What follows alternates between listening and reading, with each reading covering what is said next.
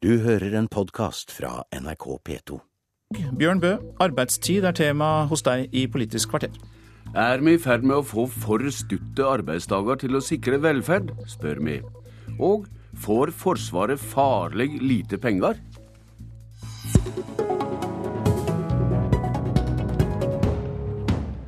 I går kunne Dagsrevyen fortelle at vi arbeider stendig mindre her i landet, medan det går motsatt vei i landa rundt oss. Gjennomsnittlig arbeidstid går ned mot 30 timer i veka. Direktør i arbeidsgiverorganisasjonen Spekter, Anne Kari Bratten, hadde denne reaksjonen. Dette er jo ikke en bærekraftig utvikling. Altså, norske kvinner har jo allerede innført sekstimersdagen. Norske kvinner jobber i snitt seks timer om dagen. og Hvis vi ikke øker den samlede arbeidsinnsatsen betydelig i årene framover, så vil vi ikke ha nok arbeidskraft verken til den delen av arbeidslivet som driver med økonomisk verdiskapning, eller til velferdsstaten. Og På sikt så tror jeg dette er en så stor utfordring at den faktisk kan stå i fare for å knekke hele velferdsstaten vår. Anne Kari Bratten i går. Arbeidslivstalsmann i Høyre Torbjørn Røe Isaksen, hva utfordringer skaper utviklinga i arbeidstid, etter ditt syn?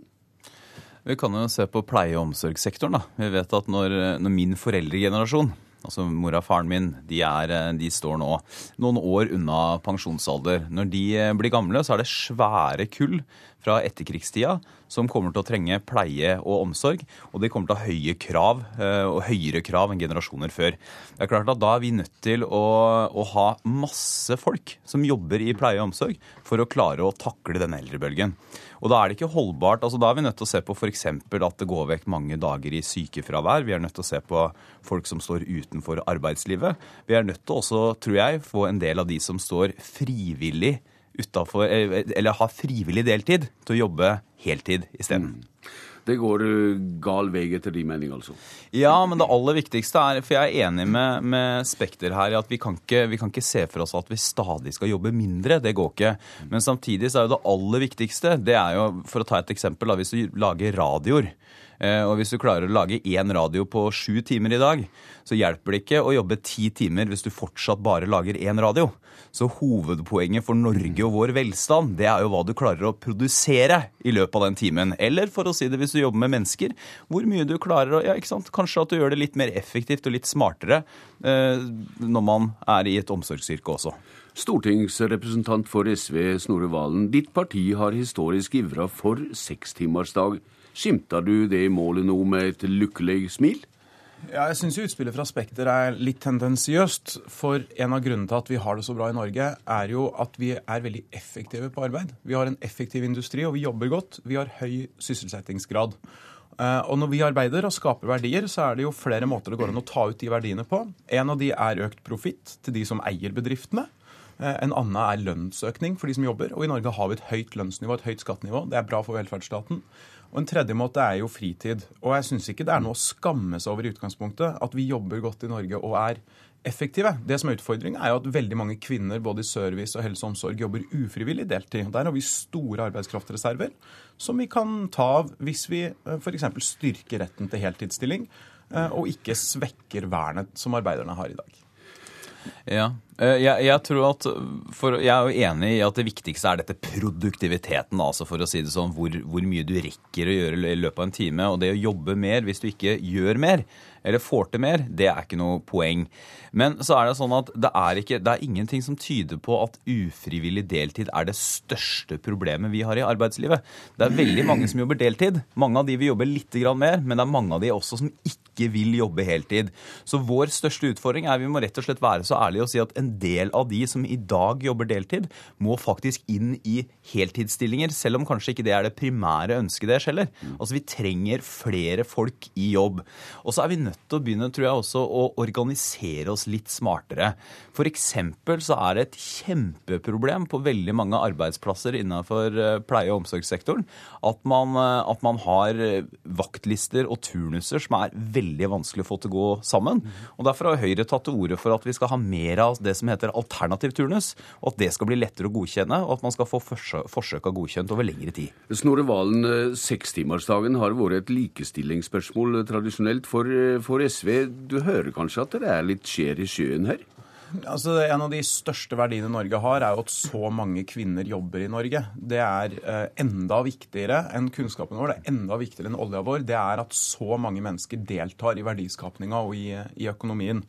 Og jeg er helt enig i at eh, enda flere kvinner bør være i, full stilling, og det stiller jeg meg bak. Men da tror jeg jo ikke veien å gå er veldig mye av den medisinen Høyre foreskriver. Altså mer bruk av midlertidige ansettelser, mer fleksibelt arbeidsliv, som de kaller det. Det vil føre til hardere arbeidsforhold for veldig mange. Og det er ikke inkluderende, det er ekskluderende. For det fører til at det er de som er friskest, som kan jobbe, mens flere vil bli, bli ekskludert. Og Det er jo derfor vi også har vært uenige med Høyre, f.eks. på de faglige rettighetene vi har innført mens vi har regjert. Solidaransvar, f.eks., som sørger for anstendige arbeidsforhold. Det, har det, Torbjørn. fordi da dere styrte, så innførte dere en arbeidsmiljølov som, inn, som, som ga muligheten til å pålegge arbeid i veldig mange flere timer enn vi har i arbeidsdagen i dag. Det fører men, ikke til at flere er, kommer i arbeid. Ja, bare, bare, så det er sagt, så står Høyre Høyre står for at vi skal ha et trygt og godt arbeidsliv, og vi skal ha en arbeidsmiljølov som beskytter de ansatte også. Men det som var spørsmålet fra programleder her, det var jo SVs forslag om at vi skal ha seks timers arbeidsdag for alle. Og hva er det det vil innebære? Jo, nett nettopp fordi at formuen vår først og fremst er arbeidstida vår, så vil det i praksis innebære at man sender hundrevis av milliarder ut av det norske systemet. Altså Det er jo akkurat som å ta bort eh, en svær andel, altså hundrevis av milliarder av kroner, som vi i dag har. Så Det vil jo koste det norske samfunnet mer enn jeg holdt på å si nesten alle politiske løfter til sammen. Og Dette har altså SV gått til valg på år etter år etter år, og de har enda ikke skjønt at det er komplett urealistisk. Eh, Snorre Valen i Kvamoen, ser du arbeidstid som et uttrykk for ideologi ideologiske skillelinjer i politikken? Nei, høyeste grad. For jeg kan jo ikke komme på en eneste gang Høyre har stilt seg bak reduksjonen i arbeidstid, som vi har vedtatt politisk i Norge. Og Torbjørn Isaksen taler mot bedre vitende. Han vet jo godt at vi ikke går til valg på å innføre sekstimersdag for alle over natta. Men det er jo ikke noe tvil om at når vi skaper mye i det landet her, så kan det være bra både i et forbruks- og miljøperspektiv, et økonomisk perspektiv og et likestillingsperspektiv at vi har redusert arbeidstiden noen ganger, f.eks.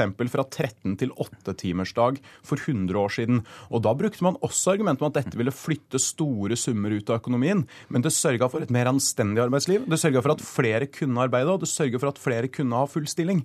Og Det er noe av poenget her. Det er ikke sånn at det blir mindre verdiskapning av at vi jobber smartere og bedre. Det blir bedre verdiskapning, og det sørger for at flere som er nå er ekskludert fra arbeidslivet, får muligheten til å delta fullt ut. Røe Isaksen, du har så vidt vært inne på det, men hva vil du veldig kort si at blir annerledes dersom Høyre får regjeringsmakten? når det gjelder arbeidstid? Nei, altså På arbeidstid så blir det Høyre slår vakt om en arbeidsmiljølov som som gir en grunnleggende beskyttelse for arbeidstakerne. Men vi sier bl.a.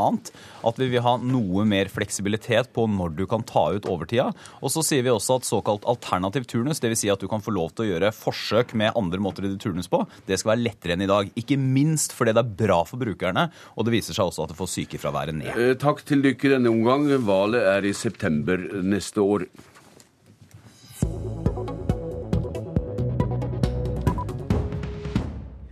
I dag skal Stortinget vedta forsvarsbudsjettet for neste år, 42,5 milliard kroner. Men det er slett ikke godt nok for at vi kan sove trygt, mener du, Ine Eriksen Søreide fra Høyre, som også er leder i utenriks- og forsvarskomiteen. Hva er de kritiske punktene etter ditt syn? Jeg skal ikke ta nattesøvnen fra folk, men det som er de kritiske punktene, er at regjeringa gjennom det budsjettet her viderefører den ubalansen som er mellom Forsvarets oppgaver og struktur, og de pengene de får til å løse de oppgavene. Det andre er at regjeringa ikke er åpen om det. Altså Det er et større mm. gap i virkelighetsbeskrivelsen nå mellom det som faktisk skjer ute i Forsvaret og det regjeringa presenterer. Og ikke minst så ser vi jo at det vil både på kort og lang sikt resultere i mindre operativ evne. Så regjeringa og stortingsflertallet skyter feil, slik du ser det? Ja, altså Det er en, eh, en stor og økende erkjennelse overalt ellers enn i Forsvarsdepartementet at Forsvaret ikke har de tilstrekkelige midlene til å drifte de kapasitetene vi har, både på kort og på lang sikt. Og ubalansen vil jo bare styrke seg etter hvert som vi går videre utover i denne langtidsplanperioden. Forsvarstalsmannen i Arbeiderpartiet Sverre Myrli, hvorfor ser de annerledes på tryggleiken enn det Eriksen Søreide og Høyre gjør? Jo, folk kan eh, sove trygt i Norge. Vi har et svært godt og oppegående forsvar. Vi har antageligvis et av Natos aller beste forsvar. fordi vi har omstrukturert, modernisert og endra Forsvaret. Vi har lagt ned en masse baser. Det har vært vanskelig og smertefullt politisk. Men det gjør at vi nå har et operativt, moderne, godt forsvar som er vel rustet til å gjøre jobben sin. Og det er jo det som er poenget. Forsvaret skal gjøre den jobben som vi politisk ønsker at Forsvaret skal gjøre, slik at folk kan sove godt på natta, som du starta med. Men, men eh, her er det snakk om kroner og øre også. Når Høyre vil gi over 3 milliarder kroner mer neste år til Forsvaret, er det etter ditt syn uten saklig grunnlag?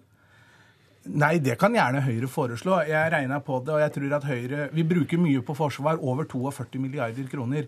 Jeg regna på det og fant vel ut at Høyre skal øke forsvarsbudsjettet med noe sånt som 1,4% eller noe i den størrelsen. Så det er klart, det er jo ikke dramatisk. Men jeg respekterer, det kan være marginalt jeg, jeg respekterer sjølsagt eh, Høyres forslag, og det er jo litt av opposisjonens privilegier også å foreslå mer til nesten alle formål. Men jeg vil si at det er jo ikke noe poeng å bruke mest mulig på forsvar. 42 milliarder og mer enn det er veldig mye penger. Det er en av sektorene som har økt mest de siste åra, og vi er et av svært få Nato-land som øker forsvarsbudsjettene. De aller fleste kutter i stort monn, dessverre. Ja, Men sitter nå på ei grønn grein ellers også her i landet. Eriksen Søreide, forsvarssjefens fagmilitære råd, tar utgangspunkt i de økonomiske rammene det er flertall for. Er det både pengemengde og bruken av pengene du er kritisk til? Ja, og Forsvarssjefen sa jo i eh, det som da ble regjeringens langtidsplan, at det vil bli svært krevende å videreføre bærende elementer i forsvars, forsvarsstrukturen med det opplegget regjeringa legger fram. Det handler jo bl.a. om at de ønsker å bruke mindre penger enn det forsvarssjefen anbefaler på kampflykjøp. Og det kommer til å være den bærende faktoren i Forsvaret mange år framover, både på investerings- og driftssida. Vi har fra Høyres side foreslått siden 2008 å bruke til sammen 3,26 milliarder kroner mer mer på drift i Forsvaret. Så i år er det altså 616 millioner, eh, altså for 2013. Det vi har sett over år, er at eh, forsvarsbudsjettet har hatt konstant sett en mindre vekst av BNP enn eh, en øvrig BNP. Og ikke minst det har vært negativ realvekst tre av de siste fem årene. Og Det får altså de konsekvensene at vi får mindre øving og trening. Vi har skip, fregatter som ligger til kai. Vi har soldater som ikke får øvd og trent på det de skal gjøre. Og det får konsekvenser for den operative evnen. Så det hjelper egentlig ikke å si at vi har Europas mest moderne marine eller vi har de beste kapasitetene, så lenge de ikke brukes, så lenge det ikke øves. Jo, jo, det, Sverre, Sverre Myrli, øving, øving, øving har vært sentrale ord i debatten om samfunnstrygghet etter 22.07. i fjor. Har ikke Høyre poeng når en vil gi mer midler til øving? Øving neste år? Så Høyre har et eh, poeng, og, og, og det er at eh, vi må, vi må, innrette oss annerledes enn det vi har gjort tidligere. Og det har vi også gjort. Og det Høyre ikke tar med i sine regnestykker, er jo den interneffektiviseringa og det Forsvaret har gjort med egen drift for å bruke penga annerledes enn det vi gjorde tidligere. Må huske på at etter den kalde krigen satt vi med masse anlegg, masse leire, masse baser rundt omkring som var svært dyre i drift. Masse av det er nå lagt ned for at vi skal ha mer penger. For at Kystvakten kan seile mer i nord, at, uh, at uh, garnison i Sør-Varanger kan gjøre seg, at Heimevernet kan trene mer. Det er jo nettopp derfor vi får til dette, fordi vi har omorganisert og bruker ressursene våre bedre enn vi gjorde tidligere. Eriksen Søreide, hva kan vi vente av ny forsvarspolitikk dersom du kommer i regjering neste høst? Høyre i regjering vil jo bidra til at vi får mer operativ evne, mer forsvar. Eh, og Det handler jo bl.a. om at vi skal ha både et sjøforsvar, en hær og et luftforsvar som faktisk er operativt, som flyr, som øver, som trener. Vi skal ha et heimevern som både skal kunne klare å løse de militære oppdragene de har fått, men også bidra i et videre samfunnssikkerhets- og beredskapsperspektiv. Men, men, men, da må det også prioritere ned på andre samfunnsområder, da? Ja, Vi har jo budsjetter som går i balanse hvert eneste år, og vi har prioritert forsvar som en av de viktigste samfunnsoppgavene. Det har vi gjort både i regjering og det har vi gjort i opposisjon, og det kommer vi til å fortsette med. Sverre Myrli, hvor viktig mener du forsvarspolitikken blir inn i valgkampen?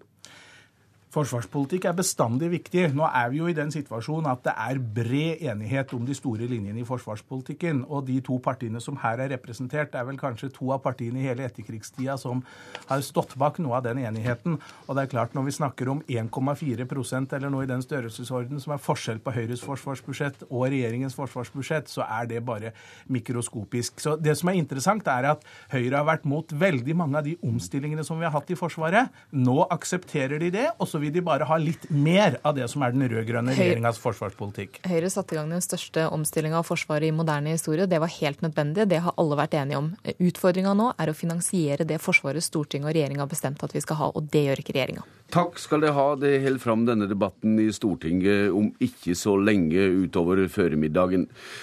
Politisk kvarter er slutt. Jeg heter Bjørn Bø. Du har hørt en podkast fra NRK P2.